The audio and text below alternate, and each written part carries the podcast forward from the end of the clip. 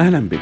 أنت الآن تستمع لبودكاست ابدأ صح طريقك من الوظيفة للثراء تقديم ياسين الحيوي لايف كوتش معتمد ومختص في مجال المال الاستثمار وريادة الأعمال.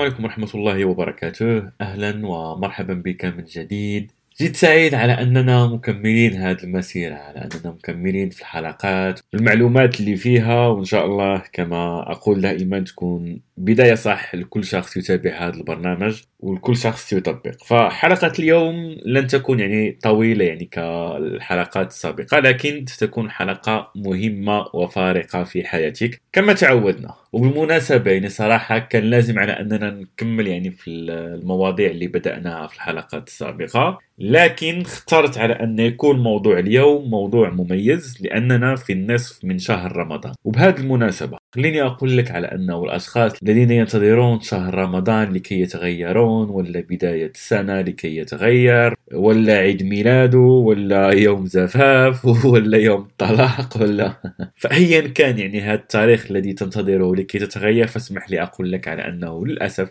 لن تتغير لأنه ليس رمضان الذي يغير ليس يوم الميلاد هو الذي يغير. أنا آه نعم هذه مناسبات نستغلها وأكيد فيها طاقات كبيرة نستغلها لكي نصل الأهداف ولكي يعني نطبق الأمور اللي تعلمناها يعني في الشهور السابقة إلى آخره. لكن انت تتغير في رمضان لما تنوي أنت بجد وتطبق وتبدأ التغيير لأن التغيير كذلك يبدأ من الداخل.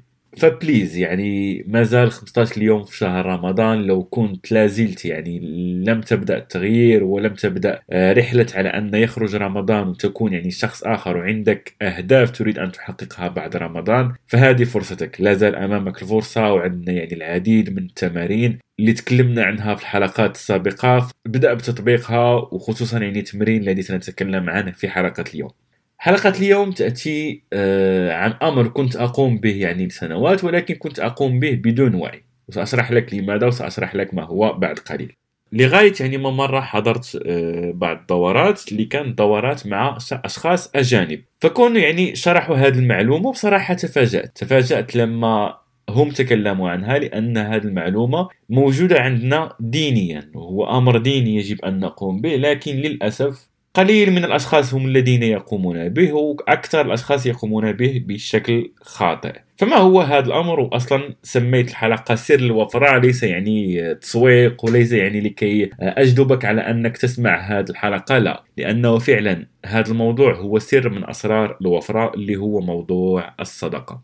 فكما قلت لك لما كنت حاضر في هذه واحدة من الدورات المحاضرين يعني أشخاص أجانب وتكلموا عن هذا الأمر على أنه لكي تحصل على المال اعطي هذا المال. فتذكرت يعني آه، قول الله عز وجل لن تنالوا البر حتى تنفقوا مما تحبون. فالبر بتفسير العلماء هو أي شيء. مثلا تريد المال اعطي المال في موضوعنا لأنه موضوع الوفرة. فأنت تريد المال اعطي المال. فممكن بعض الأشخاص يقول لك آه ما هو الجديد؟ يعني كنا نتصدق. فخليني أشرح لك كيف يقوم أغلب الناس بالصدقة.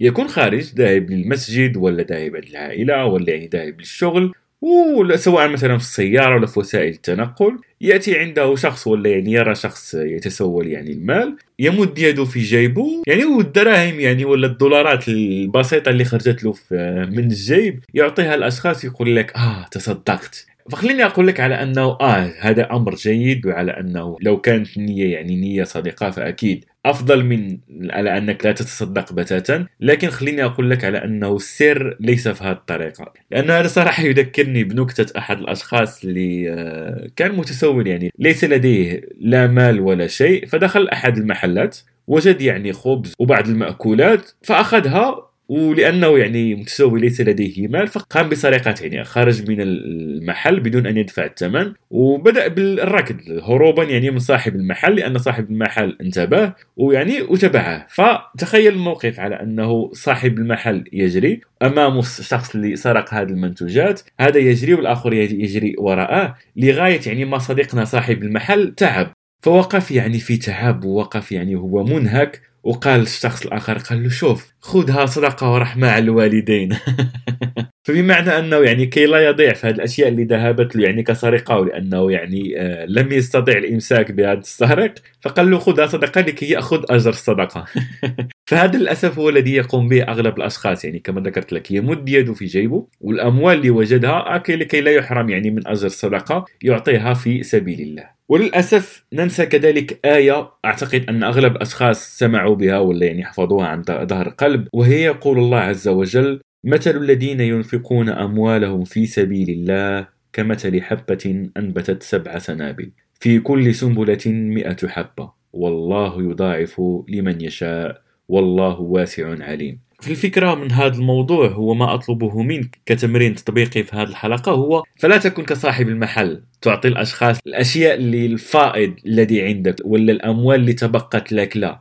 اعملها بطريقة أفضل وهي على أنك تخصص مبلغ شهري تعطيه صدقة لوجه الله سبحانه وتعالى وتذكر هذه الآية على أنه الله سبحانه وتعالى يرد لك الأموال سبعة أضعاف والله يضاعف لمن يشاء. ولكن لا تلعب مع الله عز وجل. لا تعطي الصدقة بنية. آه خليني أعطي الصدقة. سأعطي مثلا 10 دولار والدولار بسبع أضعاف. إذا 10 في 7 70 دولار. والله يضاعف لمن يشاء. إذا أقل شيء سيرجع لله 70 دولار. يا أخي لا تلعب مع الله. هذه ليست لعبة. اعطي الأموال بنية على أنك تريد مساعدة الأشخاص الآخرين بنية العطاء. بنية النفع للأشخاص الآخرين وتعطيهم من مال الله الذي أعطاك شهريا خصص هذا المبلغ وخليه كن متأكد آه يكون عندك هذا اليقين على أنه الله سبحانه وتعالى سيرجع لك هذه الأموال وحتى يعني في حديث الرسول صلى الله عليه وسلم ما نقص مال من صدقة ولكن لا تعطيه بنية على أنك تنتظر رجوع هذا المال إليك فهمت التريك ولا لا؟ أتمنى يعني تكون فهمت الموضوع وعلى أنه أعطي بدون انتظار النتيجة. في نفس الوقت تكون متأكد ومتيقن على أن الله سبحانه وتعالى سيرجع لك الأموال أضعاف وأضعاف. فالمطلوب منك في هذه الحلقة هو على أنك تبدأ من اليوم. ابدأ من الآن خصوصا يعني أن في شهر رمضان هناك العديد من الأسر المحتاجة أشخاص الفقراء إلى غيرها. فخلينا نأخذ نية جميعا كل شخص يسمع هذه الحلقة على حسب المبلغ الذي عندك. يعني ليس بالضرورة أن يكون مبالغ كبيرة. شخصيا أنصحك على أنك تخصص نسبة 5% على الأقل ولا تحسبها مع الله. لا تحسب آه أنا دخلي مثلا كذا 5% هي كذا. آه واو مبلغ كبير. يا أخي هذا مال الله ليس مالك. الله سبحانه وتعالى هو الرزاق. تكلمنا عن الإيمان عديد من المرات فالآن أظهر هذا الإيمان. خصص هذه النسبة ابتداء من اليوم خذ هذه النية ومجرد سماعك هذه الحلقة إنوي على أنك تخرج مبلغ معين هذا اليوم وأخرجه في سبيل الله. وفي نفس الوقت انوي على أنك تخصص مبلغ شهري. شوف الشخص اللي تعطيه له ولا جهة ولا جمعية أنت حر. لكن خصص هذا المبلغ شهريا وكن صادق على أنه بمجرد ما يصلك الدخل ويصلك الراتب الذي تحصل عليه شهريا تخرج هذا من الأشياء الأولى التي تقوم بها شهريا هي أنك تأخذ هذا المبلغ وتعطيه للأشخاص المحتاجين. وكن متأكد على أنك مجرد ما تعطي شخصيا وعن تجربة والله العظيم وهذا سأحاسب عليه. كل مرة أعطي فيها الأموال لا أعرف من أين يأتي لي يعني الرزق. وكذلك بعض الأحيان يكون عندي بعض الأموال اللي ممكن فيها بلوك ولا فيها تأخير في بعض الحسابات البنكية ولا في بعض التعاملات. والله العظيم مجرد ما أخرج الأموال يعني في نفس اليوم ولا على أقصى تقدير اليوم الموالي يحل هذا المشكل وتأتي لي الأموال. ولكن كما قلت لك لا أفعلها بنية آه خليني أعطي هذه الأموال لكي يحل المشكل. لا يا صفر الله العظيم أنت لا ترشي الله لا تتعامل مع الله سبحانه وتعالى بهذه الطريقة لا. تصدق لأن هذا ضروري في حياتك وهذا مهم في حياة كل شخص يريد الوفرة. فقم بهذا الأمر وطلب شخصي انشر هذه الحلقة وشوف يعني الخير اللي يأتيك لو كنت سبب في أن الأشخاص الآخرين يقومون بهذه الصدقة وأنت سبب فيها. وبالنسبة للأشخاص اللي يقول لك آه ليس لدي مال ليس لدي شيء أعطيه أو ليس لدي دخل يعني على قد الحال. فكما قلت لك